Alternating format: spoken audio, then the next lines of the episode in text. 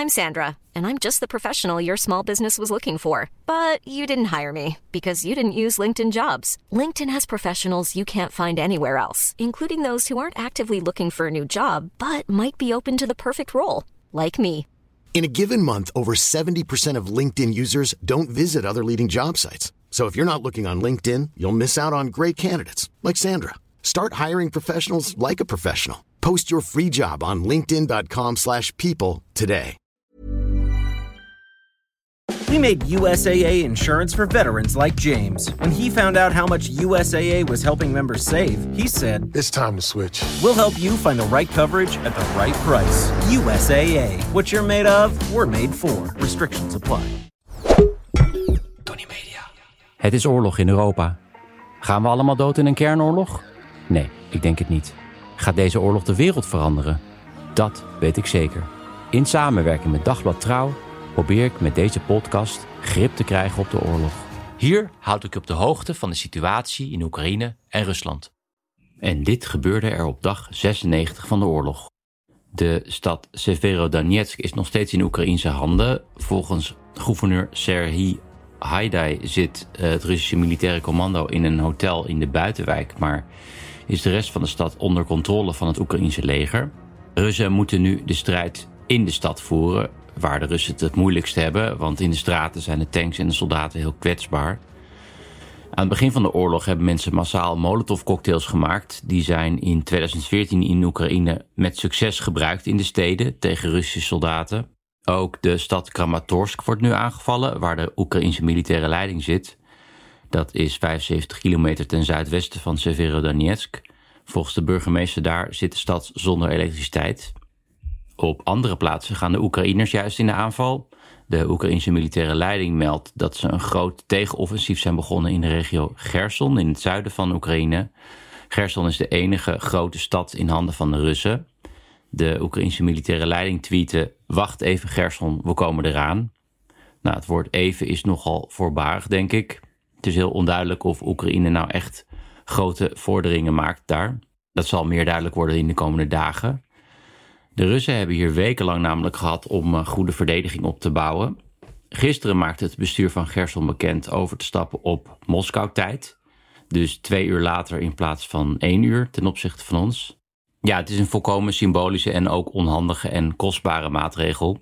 Overigens rijden in Rusland alle treinen op Moskou-tijd. Dus ook ergens in Siberië, waar het dan acht uur later is, staan de tijden op je ticket en op de klok op het perron op Moskou-tijd. Even een tip voor mocht je deze zomer op vakantie naar Rusland gaan. Yeah, right. In de stad Melitopol, ook in Russische handen, waren vanochtend luide explosies te horen. Volgens persbureau Nechta zou een auto zijn opgeblazen. Het doel zou Jehin Balitsky zijn, de leider die de Russen hebben ingesteld in de stad. En die zou niet in de auto hebben gezeten. Dus die was ongedeerd. Russische media spreken van een terroristische aanslag. Voorspelbaar genoeg. In Brussel is een tweedaagse ontmoeting begonnen van Europese leiders. Met als belangrijkste doel het instellen van een embargo op Russische olie. Daar wordt al weken over gesproken, maar er is weerstand, vooral van Hongarije. Intussen heeft Servië zondag een nieuw contract afgesloten voor Russisch gas. Uh, voor de komende drie jaar. De leiders van Hongarije en Servië hebben warme banden met Poetin. Gaan we verder naar de Russische media. Op de Russische televisie, op het eerste kanaal, was een reportage van een sjamaan in Gakazië in Siberië die de geesten oproept om Russische soldaten aan het front te helpen. Eerder was ook al een sjamaan in het nieuws. Die speelde een rol in de dood van een manager van een Russisch oliebedrijf. Dat is al een paar weken geleden gebeurd, is even aan mijn aandacht ontsnapt. Ik bespreek deze zaak toch nog even, want het is de zevende dood van een topmanager van een gas- of oliebedrijf. Uh, die doodgaat onder verdachte omstandigheden. Ik had het hier op dag 58 al over, waaronder een aantal verdachte zelfmoorden. In dit geval gaat het om Alexander Subotin, voormalige topman bij oliebedrijf Lukoil. Hij werd doodgevonden in de kelder van een shamaan in Mitishi, een voorstad van Moskou. Hij zou er zijn beland in een zapoi. Dat is een ja, moeilijk te vertalen Russisch woord. Komt eigenlijk neer op Een ja, is een soort van langdurige periode van dagen of soms zelfs weken van permanente dronkenschap, afgewisseld met slaap. Um, sommige Russen zien dat echt als een ziekte.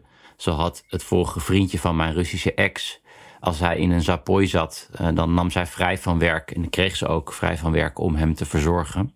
Hoe dan ook, deze Subotin die zat ook uh, aan, in een zapooi, of hij zat een beetje aan het eind van zijn zapooi, want volgens persbureau TAS ging hij naar de shamaan om van zijn kater af te komen. Dat moet een ongetwijfeld gigantische kater zijn geweest.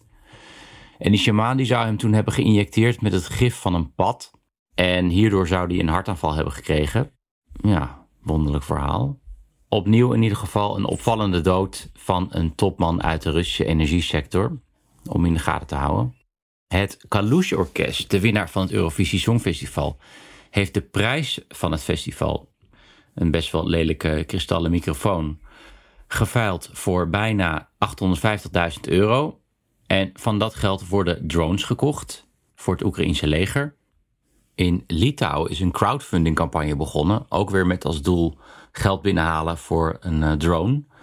Uh, binnen een paar dagen werd er daar 2,5 miljoen euro opgehaald voor de koop van een Bayraktar-drone voor het Oekraïense leger. En daar werd met enige jaloezie in Rusland naar gekeken. Leonid Volkov, de tweede man van oppositieleider Navalny, die tweette dat hij zich niet kan herinneren dat er ooit in Rusland een crowdfunding is geweest van vergelijkbare grootte. Terwijl Rusland 50 keer groter is dan Litouwen. Volgens uh, Volkov is het maatschappelijk middenveld in Rusland daar te klein voor. Aan de andere kant heb je in Rusland soldaten die naar het front worden gestuurd, terwijl ze zelf gedwongen zijn om spullen te kopen om zichzelf te beschermen. Dat blijkt uit een stuk van Moscow Times. Het stuk is in het Engels. Ik zal de link even in de show notes zetten. De meest basic dingen moeten soldaten zelf kopen: kogelvrije vesten, warme schoenen en verband. En een goed kogelvrij vest, dat kost al snel 1200 dollar. Wat een derde is van een maandsalaris. En alle spullen bij elkaar, als je dat nodig hebt, dat is ongeveer hetzelfde als een heel maandsalaris. Sommigen kiezen er dan ook voor om goedkopere vesten te kopen, maar die beschermen dan niet tegen kogels. Tja, eh, veel soldaten bezuinigen ook op warme schoenen. Aan het begin van de oorlog vooral hadden veel soldaten last van bevriezingsverschijnselen. Oké, en dan nog dit. Opvallende beelden van de Russische televisie. Iemand had beelden geanalyseerd van Poetin die gewonde soldaten bezoekt. Iemand herkende een van de mannen uit een andere reportage waar Poetin op bezoek is bij medewerkers van een fabriek. Dus het was, ja, bleek een en dezelfde man te zijn. De foto werd veel gedeeld op telegramkanalen. Het zou erop wijzen dat er figuranten waren ingehuurd in het ziekenhuis om volledige controle te hebben op ja, wat die soldaten zeggen of doen. Het is overigens niet 100% zeker of het dezelfde man is. En heel misschien was hij natuurlijk eerst arbeider en dan soldaat. Zou kunnen natuurlijk. Maar Poetin heeft een lange geschiedenis van ontmoetingen met ingehuurde figuranten. Dat gaat terug naar 2011 toen Poetin tijdens een live-uitzending werd uitgejouwd. Hij was toen aanwezig bij een vechtsportevenement. En toen hij in de ring klom om de winnaar te feliciteren, begonnen mensen in de zaal boe te roepen. En vanaf dat moment laat Kremlin eigenlijk niks aan toeval over. De BBC heeft een keer uitgezocht wie de mensen waren die bij Poetin beleefd klaagden over hun pensioen. Dat was een item op tv. Twee jaar geleden, vlak voor de uitbraak van corona. En al deze mensen bleken uiteindelijk te zijn ingehuurd door de beruchte trollenfabriek uh, net bij, buiten Petersburg. Deze fabriek is vooral bekend omdat uh, er allemaal mensen zitten die de hele dag door pro-Poetin commentaren achterlaten.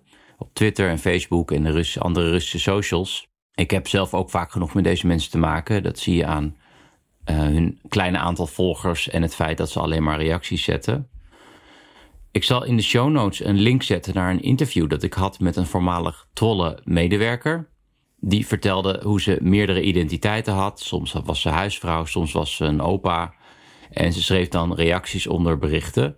Maar maakte zelf ook berichten. Bijvoorbeeld, ze hield een blog bij over het bakken van taarten.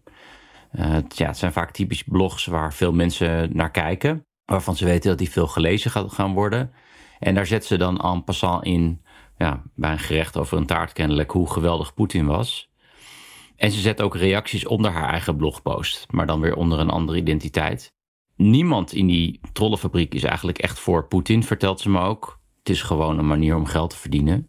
Die fabriek is overigens in handen van Yevgeny Prigozhin, die ook eigenaar is van het beruchte bedrijf Wagner Group, die huurlingen levert aan oorlogen in eh, Syrië en Mali en nu ook Oekraïne. Moet ik het ook nog maar eens over hebben, deze Wagner Group. Hoe dan ook, in dat beeldfragment dat de BBC analyseert, wordt duidelijk dat alle mensen eigenlijk werken voor deze trollenfabriek. Eh, wat ook vaak voorkomt, is dat managers van een fabriek uh, zich verkleden als arbeiders. Als Poetin daar op bezoek gaat in een fabriek. Nou, nog even terugkomend op die Russische soldaten die Poetin bezocht. Of ze nou echt bestaan of niet. Wat ook iemand opviel en wat ook past in een patroon, is dat alle mannen kleiner zijn dan Poetin. Ook dit komt vaker voor. Vooral als Poetin ten voeten uit uh, in beeld is en staan te zien is. Poetin is naar schatting 1,68 meter. Ik heb twee keer in mijn leven Poetin ontmoet. Niet echt een dieptegesprek met hem gehad, maar wel gewoon de hand geschud.